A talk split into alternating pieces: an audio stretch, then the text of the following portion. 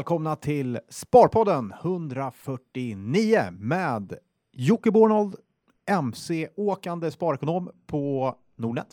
Och Peter Benson, eh, cykeltrampande eh, aktieskribent på SvD Börsplus. Ja, läget? Ja, det är bra tycker jag. Du då? Bra, Ja. bra. Jag eh, blev väldigt mycket motorcykel den här veckan. Ja, härligt. Ja, jättekul faktiskt. Ja, kul. Riktigt skoj. Jag tänker på det när jag läser konkurrenttidningen Dagens Industri också. Jaha. För de toppar ju med dina frågor. Eh, Sparande och pensioner och sånt där. Ja, precis. Verkligen. Ja, Eh, bra. Snyggt. Så ehm, eh, jag förstår om du är på gott humör. Ja, ja, det är härligt. Det är härligt. Det är lite så här nyhetstorka eh, på nyhetsdeskarna. Det är inte så mycket bol ny nyheter och så här. Då, då, då får Ja. man liksom skrapa ihop. Eh, då tar man dem där. Ja, även, eh, jag tror att en, en bra nyhetsdesk ska skapa sina egna nyheter och, och det är är väl det. det som DE har gjort här och tagit vad sådana som du och jag har vetat i ungefär 3000 år och Ja. paketerar om det så att det låter som värsta avslöjandet. Just det. Och våra lyssnare också. Jag tror de vet om det också. Ja, men DE har ju kört ett antal art- artiklar som går ut på att eh, om man kör bra pensionslösningar så sparar man jättemycket pengar och får mycket högre pension än om man kör dåliga pensionslösningar. Ja. Är, är det en korrekt Det sammanfattning? är korrekt sammanfattning. Ja. Och det är jättebra. Jag tycker det är kanon att Ja, de tar ja, upp det, det. det, det, Eh, och jag hoppas att många läser det och tar tag i det. Och absolut. att man känner att äh, men det gör skillnad. Det här är viktigt. Eh, om man tar, eh, vi kan kolla på den där eh, Dagens Industris uträkning. De har Mm. kollat på en kille som är 35 år och tjänar 35 000 Mm. för att göra det enkelt. Eh, och så har jämfört, vad kostar det då om man har en, en fondavgift eh, på 1,5 procent eller på en halv procent? Vad blir skillnaden? Ja, då, enligt det här räkneexemplet, stämmer nog ganska bra, eh, så blir det när han går i pension vid 65 så skiljer det 646 000. Mm. Och eh, vad blir det per månad sen då? Har de inte siffror på det också? Jo, det hade de. Det var, oh, det var en- Var det några inte 6 000 spänn i månaden? Ja, jag tror det. Det var Ja. väldigt eh, mycket pengar. Ehm, och Och var det inte en tjej som var 36 år gammal? Jaha, i det här fallet var det en tjänsteman i 35-årsåldern. Skulle kunna Aha, vara en tjej. okej, ja. För i papperstidningen så var det en tjej som var 36 år gammal. Okej, Ja. okej. Vi kanske har läst helt olika tidningar. Kanske, kanske. Jag kanske får en annan upplaga än Ja, vad du får. Ja, men, eh, nej, men så det där är ju, det är ju superviktigt att man tänker på det där. Verkligen. Att, eh, att man eh, tar tag i det enda som man vet eh, påverkar, eller som man själv kan påverka och som man kan räkna på hur mycket det påverkar. Ja, det är ju avgiften. Mm. och se till att eh, lägga sig lågt och om du vill betala, se till att få någonting för det. Mm.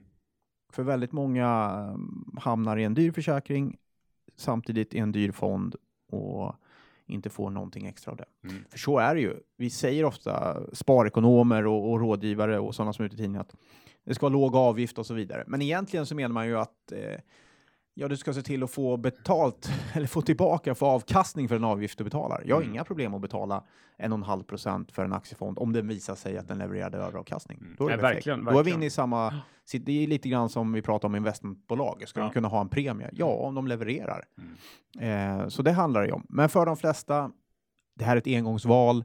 De gör det här en gång och sen eh, låter man det tuffa på helt enkelt. Då tycker jag man ska satsa på en låg avgift som möjligt. Mm. Och sen är egentligen den stora frågan, det är hur mycket du har i aktier och hur mycket du har i räntor. Det är det som kommer spela störst skillnad. Och sen eh, om du har en väldigt bra förvaltare som kan förvalta pengarna, ja, då är ju det bra liksom. Men Mm. det, det stora frågan är just avgifterna och fördelningen mellan räntor och aktier. Mm, just det. Och, och jag menar, man, man kan ju möjligen ha en, en uppfattning om att den här förvaltaren är superbra och, och är därför värd en avgift på säg 1,5 procent. Ja. Men då måste man ju samtidigt kan jag tycka eh, göra en mental notering att efter två år kanske eh, verkligen sätta av en timme eller två för att byta, byta fond om det behövs. Exakt. För att det kommer garanterat inte vara så att samma förvaltare kommer göra samma utmärkta jobb i samma fond hela vägen från nu till pensionering. Så är det. Eh, Och så att- så att liksom- rätt vad det är som har bytt förvaltare också och så vidare. Ja, Så- exakt. Ja. så, vill man göra vill man göra ett fegt och långs eller långsiktigt val, då ska man köpa låga avgifter. Just det. Eh, har man en mer spetsig idé så måste man också ta höjd för att man måste, måste, måste byta. För annars blir det som med, med eh, PPM-valet där de flesta ligger kvar i de här eh, någon, någon techfond från år 2000 från Just oktober liksom. Ja, Ja, det är en mardröm. Som kanske var bra under en period, men inte är det längre. Yes. Så det är än en gång bra Mm. att eh, Dagens Industri lyfter fram det. Ehm, Ja, men det, är, det är jätte, jättebra, men, men, men egentligen så är det lika självklart eh, som om man skulle toppa tidningen med klart idag, morötter nyttigare än chips. Ja. ja. Men... Men, men det gör det inte mindre sant. det finns alltid någon som, som ändå kommer hävda att chips är, är nyttigare. Ja, ja, ja. Så är men det vi- Absolut. Det finns alltid någon sån. Ehm, men eh, nej, men det är bra. Eh, ing, inget nytt under solen, men Nej. kanske alltid bra att eh, påpeka. Vad, vad har du annat skådat då under septembersolen? Ja, september är ju en eh, speciell månad och vi fick tillbaka lite volatilitet. Ja, Om vi äntligen. går in på börsen och pratar lite börs Ja. eh, så har har det ju eh, gått lite upp och ner eh, fredag, måndag, tisdag idag när vi spelar in det här. Mm. Eh, och jag har, eh, har en topp 5-lista. Mhm. Får dra den? Ja, Topp- 5 saker som får eh, börsen att hicka i eh, september. Ja, okej.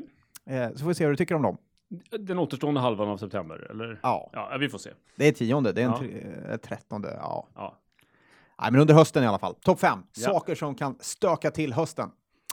Eh, då är ju, vi börjar nerifrån då. Mm. Eh, nummer 5. Ja, det är eh, skuldkrisen i Europa. Mm. Den är ju inte över på något sätt och vis. Europeiska banker, italienska banker Mm. kan dyka upp igen. Men nu är Eh. ute och säger att, att det är ett jättebra företagsklimat om man ska investera i Grekland, tycker den här Tsipras. Ja, vad tycker Eh, du? Nej, det är ju, jag, jag har ingen, jag vet inte, det var lite komiskt. Ja. Att man först kör eh, röda fanor och ner med Ja. kapitalismen och sen Mm. i nästa andetag så välkomna alla företagare. Kungen är död, länge lever kungen. Ja, något sånt. Ja. Nej, men den är ju absolut, det är, det är bara en tidsfråga, det där kommer ju upp igen. Det kommer komma upp igen. Skulle kunna stöka till det. Eh, nummer fyra tar vi, ja det blir USAs presidentval. Mm. Trump är rätt nära alltså. Eh, det kändes som under sommaren att eh, man prisade in mer eller mindre att Hillary blir president. Eh, det lugnar ner sig, man bryr sig inte så mycket om det. Men ah, det är ganska tajt. Det är fortfarande tajt i opinionsmätningar. Eh, Ja, Hillary fick värmeslag. Eh, Hillary, det är frågan. Varför säger man Hillary men inte Donald? Man säger ja Trump. det säger man ju ibland. också. Gör man det? Ja, han Bra. är ju the Donald. Ja, okej, då säger vi Hillary och The Donald. Donald och the Hillary. Eh, men de fick ju värmeslag och stökigt. Nej, det känns inte Nej, det var ju avgjort. lunginflammation. Just det. Ja, du, du- du, du stängde av när hon gav första svaret. Ja, Nej, eh, först blev man ju jätteorolig. Det, här- det är kanske det här som avgör. För tänk om hon Mm. eh, packar ihop helt här. ja. Eh, Vad händer då? Om en, en, en kandidat helt enkelt faller ifrån? Ja, är jag- det klart då eller Nej. får man kalla in en ny kandidat? Ja, nej, men då kommer Demokraterna eh, snabbt ta in några stycken i ett rum och välja ut en och, och bara presentera. Ja. Här, är- här är nästa demokratiska presidentkandidat. Och då behöver man inte gå igenom hela det här Nej. primärvalsjoxet en gång till, utan då har de 40 stycken eh, partitoppar. Ja. Och de här partipamparna, de väljer eh, vem som ska bli Just partiets kandidat. Och då var det väl Joe Biden, alltså nuvarande vicepresidenten, ligger bra till. just. Och, och Hillarys nuvarande, mm, som ingen vet vad han heter, men han heter Tim Kaine tror jag. Eh, alltså den som, som Hillary har på sin lista för att bli vicepresident. Om Ja. hon vinner. Han skulle ju kunna liksom steppa upp och, och, och ta över. Just det. Men det är väl ingen som någonsin vet, har träffat honom eller vet vem det är Nej. och sådär. Men, men eh, är det inte lite så här, de kan ta precis vilken pappfigur som helst så länge det inte är Donald Trump. Ja. Ja. Nej, jag tror det. Ja, nej, vi får se. Ja. Vi får se. Det är spännande. Eh, men det är en sak som kan stöka till det lite grann. Mm. Nummer tre, ja, det är Fed. Eh, nu blir det nog ingen Mm. räntehöjning eh, i september, Mm. eh, men det kommer vara mycket snack om det. Eh, och skulle det bli det så är det en riktig kioskvältare. Mm. Då, då... Men är det det? En kvarts procentenhet? Nej, men det är signalvärdet. Det är signalvärdet. För börsen kommer det bli stökigt. Och det är en timingfråga vi pratar om nu eller i december och liksom, ja. Ja, jag tror det. Det Ja, stökar till det på ja, börsen. kanske. Absolut. Ehm, för nu räknar ingen med att det ska hända. Nej. Sen kan jag hålla med om, det är ju löjligt. Det händer ju ingenting i ekonomin på en kvarts procent. Nej, Det, det är ja, inte från de här nivåerna. Nej. liksom, ingenting. Ehm, men signalvärdet är väl det alla tittar Mm. på. Ehm, nummer två. Ja, det är makrosiffror. I, inte, det är brist på kvartalsrapporter, det är brist från nyheter nu inför oktober när det kommer Q3-rapporter. Full fokus på makro. Jag tror att skulle det komma svag statistik eller väldigt positiv statistik från Kina så skulle det få eh, bra påverkan på börsen Mm. åt något håll. Mm. Eh, nu känns det ju som de flesta eh, pratade om senaste kvartalsrapporterna och kanske kineserna själva om att det har bottnat, är på väg uppåt. Eh, vi får se om det är så, men kommer det nyheter därifrån, då kommer det stöka till. Det är nummer två. Nummer ett. Ja. Vi måste bara backa lite här. Den här rankingen, är det mest... Nej, det, är min, mest det är din ranking. det, är min, det är min ranking. Efter vad du, vad du eh, tror, är det mest jokermässiga grejer? Jokermässiga grejer, helt och Jokermässiga, hållet. okej, Slumpmässigt utvalt. Nej, jag har ingen. Nej, men de nej, här nej, är de som jag Ja, fattar, tänker jag mig fattar. Mm. eh, kan komma och stöka till det. Mm. Eh, men nummer ett är nog nummer ett faktiskt. Ja. Det är den jag tror eh, kan stöka till det mest. Eh, och det är Om den inträffar, eller högst sannolikhet att den stökar till. ehm, högst sannolik att den stökar till det. Ja. Och det är Italien. Mm. Eh, och eh, Just det, vad är det som händer där? Nej, det kom en folkomröstning där. Jag är lite förvånad att det pratas väldigt, väldigt lite om det. Och folkomröstningen handlar om egentligen mer makt till, eh, till, eh, ehm, till regeringen. Den Ja. italienska regeringen vill koncentrera makten i Italien. Man vill ta bort makt från senaten. Mm. Man vill ta bort makt från lokala organ eh, runt om i Italien. Eh, och man vill stärka den för att kunna genomföra reformer. Just det. Och, Och det är han den här Renzi som, som Matteo här. Renzi, ja. som faktiskt är en figur som eh, har lyckats ganska bra i Italien Mm. och, och tagit rätt mycket makt och initiativ i Europa också. Mm. Eh, och eh, Matteo Renzi är ganska kaxig, går ut och vill ha den här folkomröstningen som antagligen blir i oktober. Mm. Skulle han misslyckas med den här så har Mm. han sagt att han är borta. Då avgår han. Eh, Vilket är inget konstigt i Italien, för där Nej, avgår nej. man. Ja, det är väl bäst före-datum med ungefär ett år på ja, där. lite så. Man Ja. har enormt många regeringsbildningar. man inte heter Berlusconi. Men det är väldigt synd, därför att många känner att Italien är på rätt väg med Renzi. Och att de Mm. här förslagen som är lagda är på rätt väg. Och framförallt vill man gärna se att regeringen får en ökad makt så att man för en gång skulle kan genomföra reformer. För det är extremt svårt att göra det i Italien. Eh, men väldigt välbehövligt. Alternativet, ja det är den här... Alternativet är att Renzi eh, helt enkelt förlorar omröstningen och då har han sagt då avgår jag. Mm. Och eh, då är det närmast till hands att tro att det blir den här eh, Beppe Grillo, Ja, ja, den som är en populist, clownen. den glade clownen, Ja. eh, som är en, en populist kan man säga då, eh, som helt enkelt får försöka istället. Ja. Han känns lite ju- mer kramgo än sån här Marine Le Pen och, och Trump-figurer. Ja, men man ska nog inte låta sig luras Nej, okej, av, okej. Av, av det kramgoa yttret, eh, yttre. Eh, eh, faktiskt, det är en, en, eh, en, eh, en Nalle Puh i... Jaha, okej. i, I eh, Ulvastas? ja, något sånt, tvärtom. Ja. Eh, så att... En Eh, ulv i fårstass, nej, men det är inget En som... ulv eh, i clownkostym. Ja, ja. Eh, man har ju lite den approachen och, och Mm. eh, lite clownig och, och sådär. Och, och populär på, på många håll och kanter i Italien. Och, Men har inte den här Renzo också, Renzi heter han va? Renzi. Sagt att han vill eh, köra över EUs grejer och hjälpa sina de här bankerna, särskilt den här eh, eh, vad heter den, Eh, Montepaschi di Siena. Just det. Och, och, och ge liksom stöd till den fastän han inte får enligt EU-reglerna.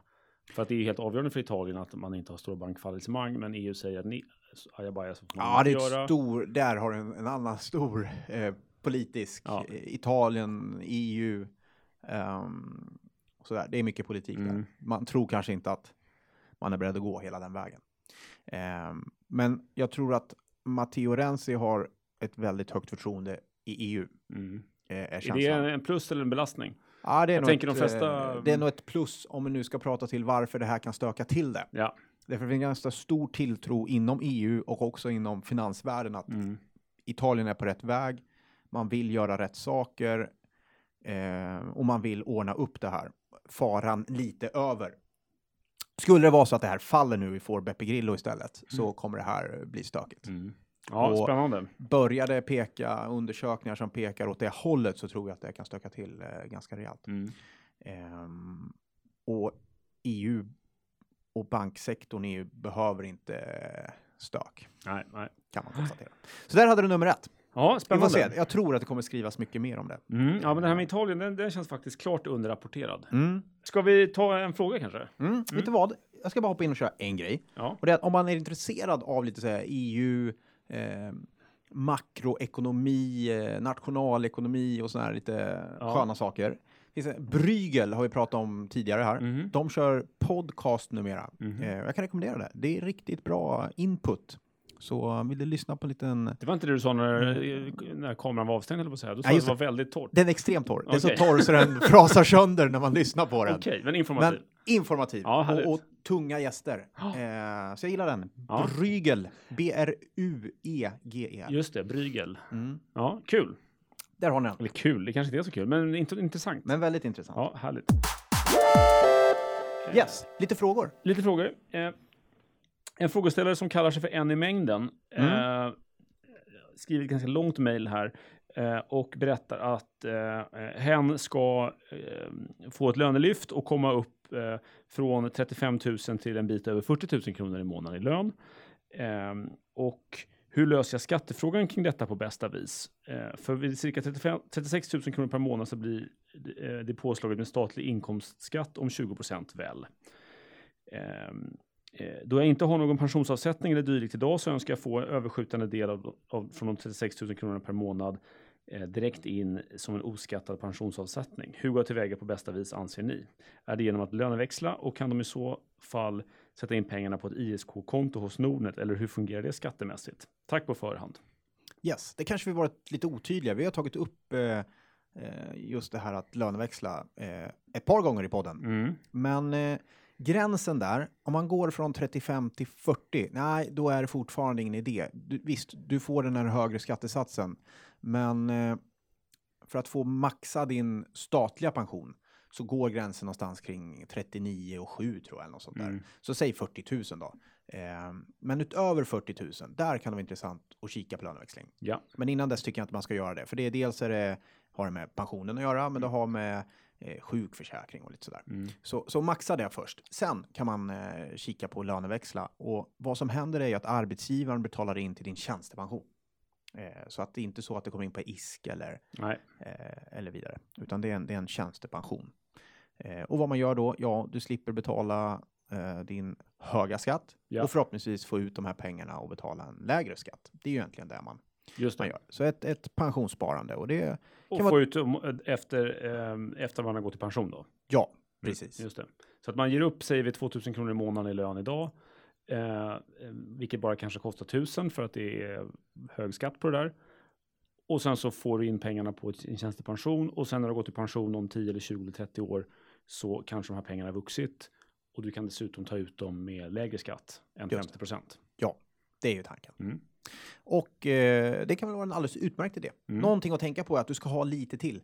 Eh, lite mer än den lön du avsätter. För det är billigare för arbetsgivaren att skicka in på eh, pensionssparande än att betala ut i lön. Just det. Ha med avgifter som arbetsgivaren betalar också. Så det ska du tänka på. Så det kan vara en bra idé. Men Mm. tydligt, det går till din tjänstepension, inte ISK eller något annat slags konto. Utan det är en, det är en pensionsavsättning som görs. Mm. En extra pensionsavsättning. Okej, men det känns inte så angeläget att göra det bara för att man ligger precis runt 40, utan det är när man är lite över det som är. Ja, Mm. exakt. Ja, men härligt. Bra. Eh, du har fått en fråga också. Ja, precis. Jag, jag, jag fick en liten Twitterfråga eller en uppmaning eller vad man ska kalla det från, från en eh, twittrare som heter Fortrex.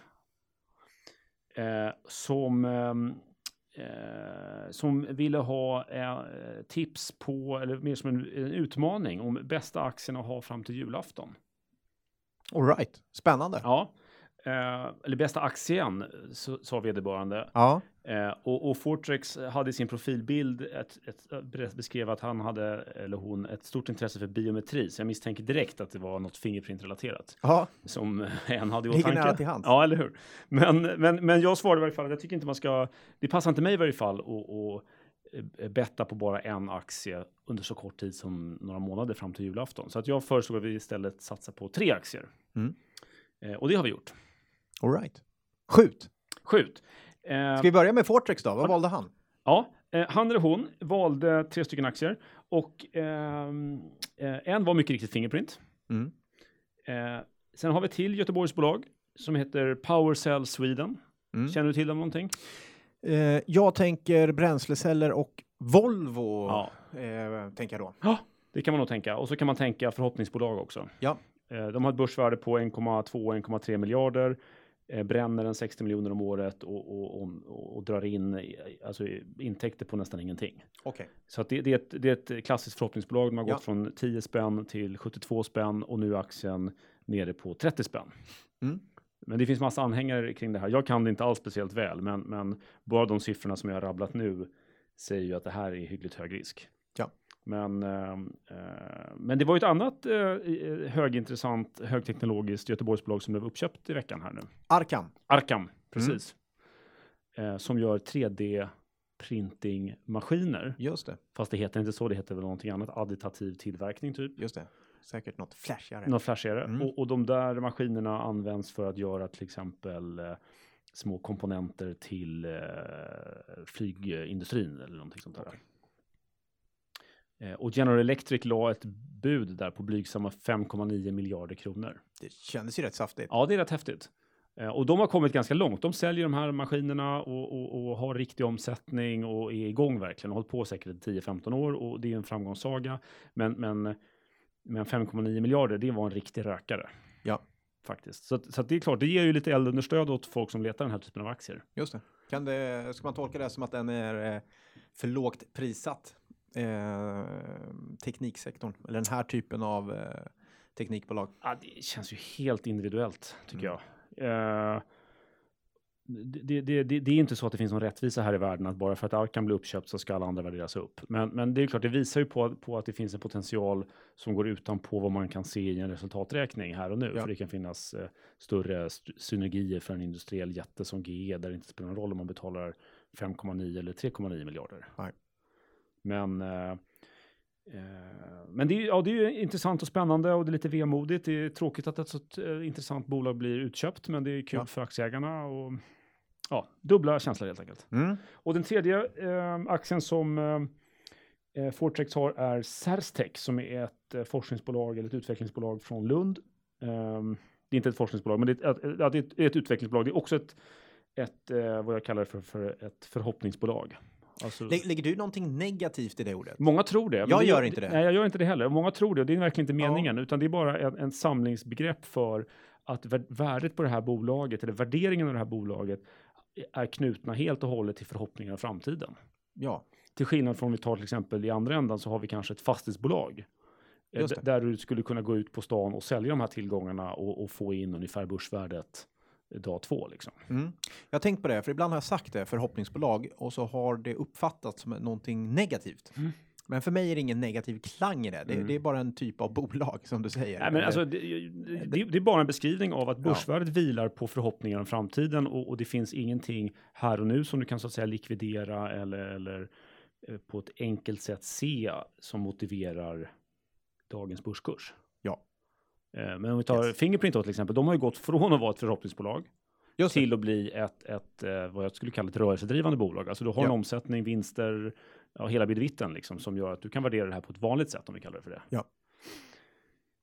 Eh, Men jag menar för, förhoppningsbolag likväl som, som och, och förhoppnings, vilka, vilka är de typiska förhoppningsbolagen? Det är ju typ prospektering, råvaruprospektering är ju klassiskt. Ja. Eh, du har bara ett hål i marken och, och någon geologisk rapport och hoppas att det här ska bli en färdig gruva. Ja. Eh, eller läkemedelsforskning i tidig Ja. fas. Eh, eller det här som Cerstec håller på med som jag inte alls kan, men som är någon slags detekteringsteknik som jag inte ens vågar ge mig in djupare i än så här. Jag har bara Mm. noterat att börsvärdet var 200 miljoner. Aktien har gått från en krona till ungefär fem kronor. Eh, och man har en omsättning på i fjol var den på ett par miljoner. Så det, Mm. det är hög värdering och, och, och eh, rimligen långt kvar. Just det. Men eh, eh, Fortrex kan säkert det här bolaget bra och det är säkert eh, mycket som är spännande med det. Hur ser dina bolag ut då? Ja, det är ju i- i andra ändan kan man säga. De bästa till, eh, till jul? Alltså, det beror lite på vad menar man med det här. Menar man att man ska maxa chansen att fira en riktigt uppsluppen jul för att man har vunnit på en trisslott? Ja. Eller vill man minska risken att man firar en sorgsen jul för att man har lagt alla sina besparingar på någonting som gått åt skogen? Ja, exakt. Det är väldigt olika frågeställningar. Det är det. Och, jag För- ligger, och, och, och, och de här tre aktierna tycker jag känns väldigt farligt att lägga alla sina besparingar i. Mm. Så vi kanske har gått in i den här tävlingen med helt olika eh, utgångspunkter. Just det. För mina ut- utgångspunkter är väldigt ofta, eh, särskilt i sånt här, eller nej, inte särskilt, men att man ska ha ett slags eh, en slags kudde, en slags risk, eh, någonting som, som, som bromsar upp risken att man ska göra stora förluster. Så man vill, ha, man vill begränsa nedsidan som man pratar om. Så mina aktier är eh, Ework, en konsultmäklare som är jätteduktig, växer snabbt eh, och handlas till 74 kronor står aktien i och Mm. de kommer, tror jag, i vår dela ut kanske 3,50, kanske 3,75 och då har du 5% direktavkastning. Ja. Vilket är väldigt bra för ett bolag som växer med 20% per år och, och, och ehm, eh, är intressant och välskött. Så jag, jag tycker att det här, det här är den billigaste av it-konsulten om man kallar det för det. Eh, och den med finast eh, egenskaper. Mm. Och en kudde då i form av den här eh, ganska höga direktavkastningen. Eh, och sen har vi ett som heter Hoist Finance. Som är Ja. ett eh, mini-intrum justitia kan man säga. Just det. Eh, alltså man, man köper förfallna skuldportföljer av europeiska banker och eh, gör upp med eh, låntagarna om en avbetalningsplan och får in pengar den vägen. Eh, och eh, eh, Hoist brukar dels jämföras med Intrum Justitia men sen också med de här Nordax Resurs och sådana här. Mm. Och handlas... Resurs eh, pratas det lite om idag. Ja, exakt. Vad var det som hände då? Nej, man, man fick en bot från Finansinspektionen Just det. Eh, och eh, ganska saftig sådan. Undrar om den var på 35 miljoner. Mm. Och eh, ja, den var känd att den skulle komma. Var det det? Eh, Att den ja. skulle komma eller att den kunde komma? Nej, att den skulle komma Ja. kan man nog säga. Mm. Och då helt enkelt så att det stod också i prospektet när man Ja. noterade sig att det här kommer dyka upp. För det var gamla, gamla försyndelser. Ja, Mm. man hade upptäckt det själv, Mm. eh, rapporterade in det och eh, kapitaltäckningen som var felaktig helt enkelt. Mm. Men eh, ja, nej, det är ju inget positivt Nej. att få en bot på 35 miljoner från Nej. Finansinspektionen. Det är ganska saftigt. Du visar ju på riskerna i de här topp 10 bolagen. i historien så att, eh, skulle jag tro. Så, att, Ja, det är det väl. så det, det är inget positivt. Men det visar lite på riskerna i de här finansbolagen. Mm. Att, att, eh, att det är en viss risk att vara under Finansinspektionens tillsyn om man inte har örnkoll på grejerna. Yes, så är. Eh, vår förmodan är att Hoist Finance har bra koll på grejerna. Mm. Eh, men man är rätt beroende av, av den finansiering man kan få via sådana här uh, sparkonton. Ja. Med insättningsgaranti som man har.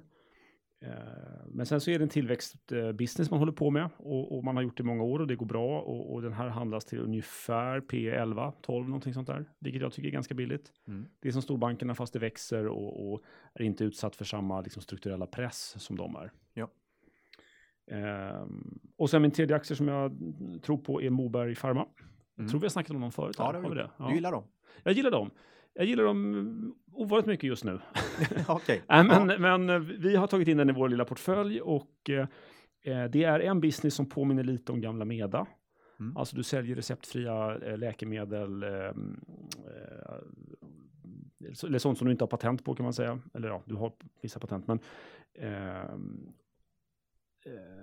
och jag kallar det för fulfarma, så det är inte den här prestigefyllda cancermediciner, utan Nej. det här i deras fall så är det medel mot eh, eh, fotbesvär eller eh, nagelsvamp och sådana här saker. Men, men de gör det där rätt bra, även om det är väldigt ryckigt och, och har vuxit från nästan ingenting till 400 miljoner omsättning.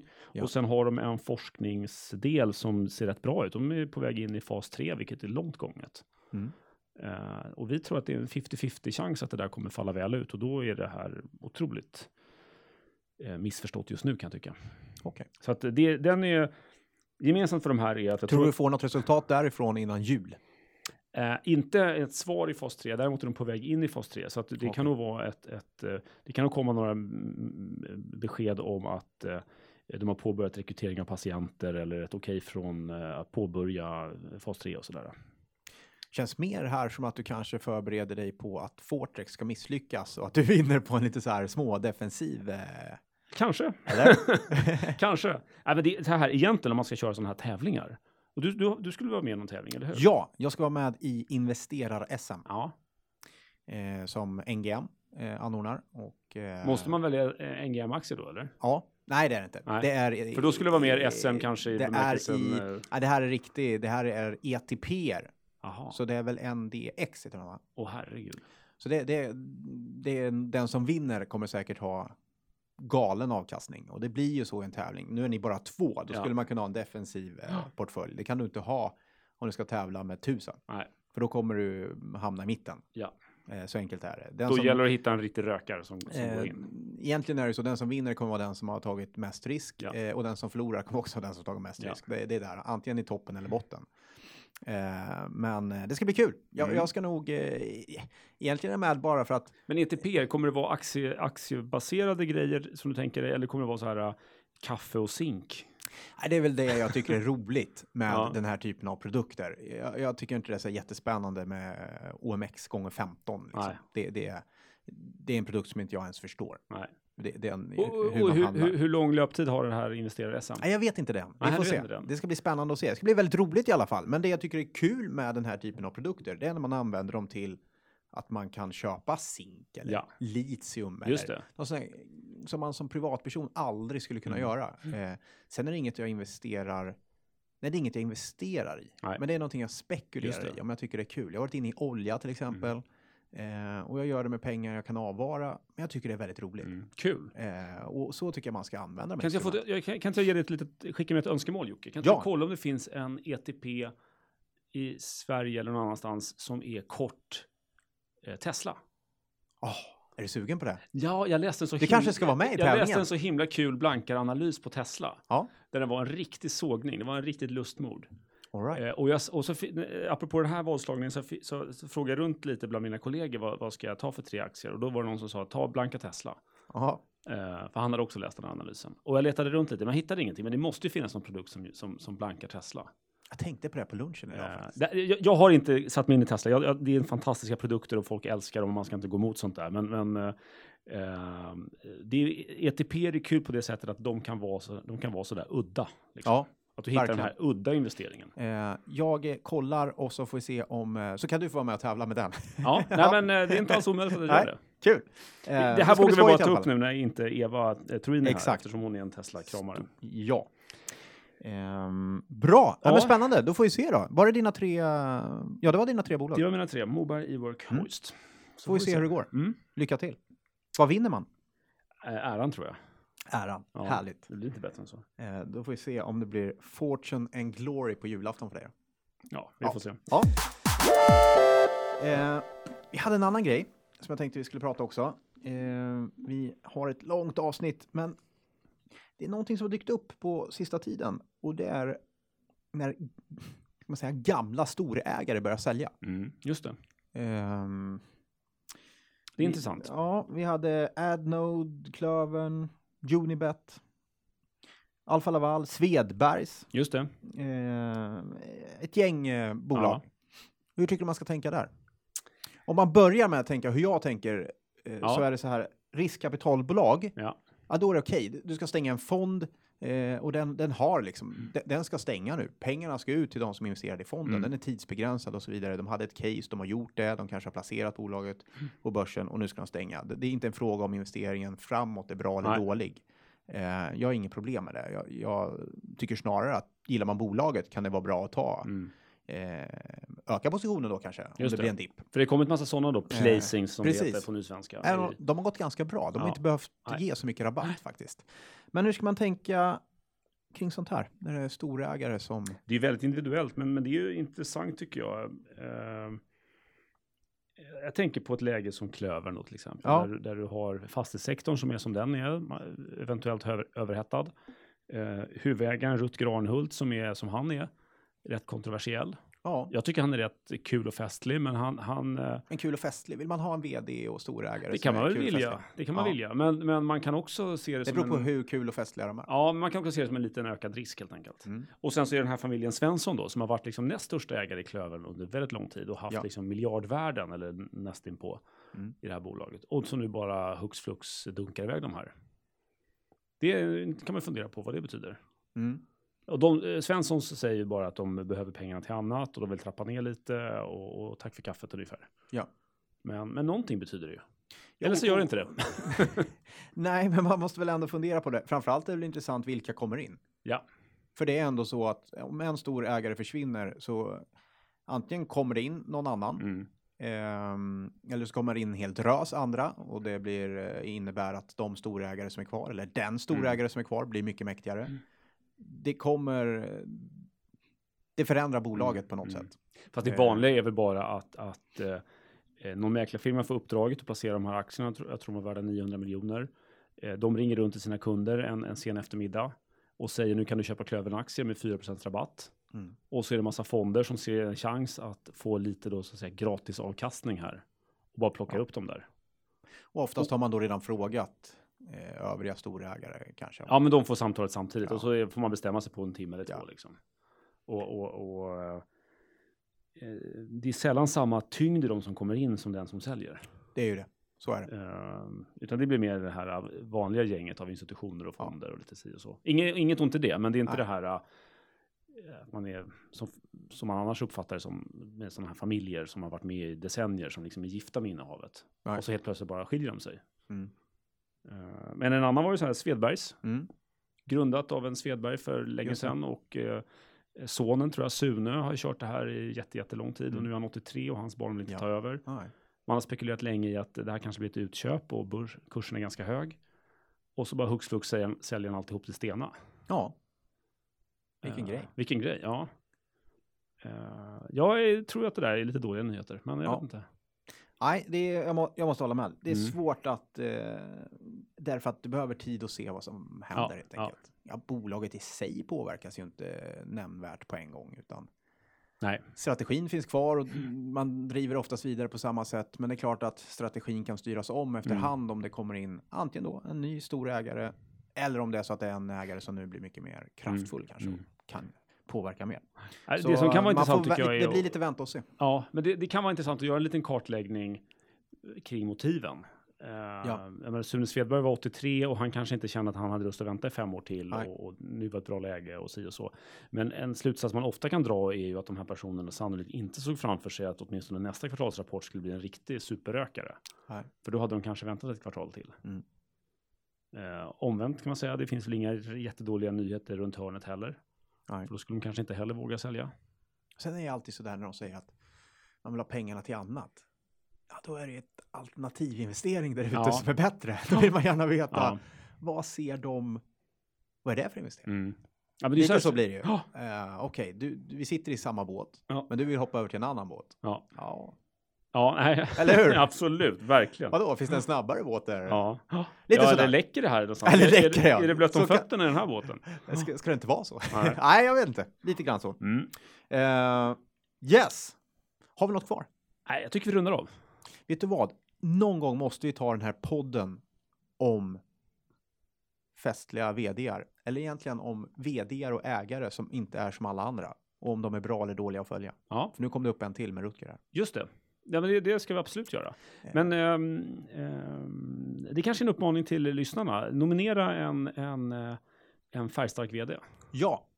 Som ni tycker man ska avfölja eller följa. Ja, men lite så. Ja. En sån här som är kontroversiell och, Mm. och, och åsikt om det. Yes. Mm. Och så lovar vi att plocka upp dem. För Rutger är ju en sån och, och, och det finns ju andra också. Absolut. Mm. Det finns eh, gott om dem. Och jag tenderar att gilla sådana eh, människor. Ja, Faktiskt. det, Eh, men det kan vi ta upp. Eh, så skicka in det. Så tar vi upp, då tar vi upp det i nästa podd. Jag lovar inte för mycket nu, vi kanske tar något annat emellan. Men vi tar upp det någon gång. En Snart. snar framtid. Yes. Tack så mycket allihopa. Idag har vi en producent som heter Jon. yes. Eh, tack så mycket för all hjälp Jon och eh, ha det gott allihopa. Hörs vi nästa vecka. Det gör vi. Hej!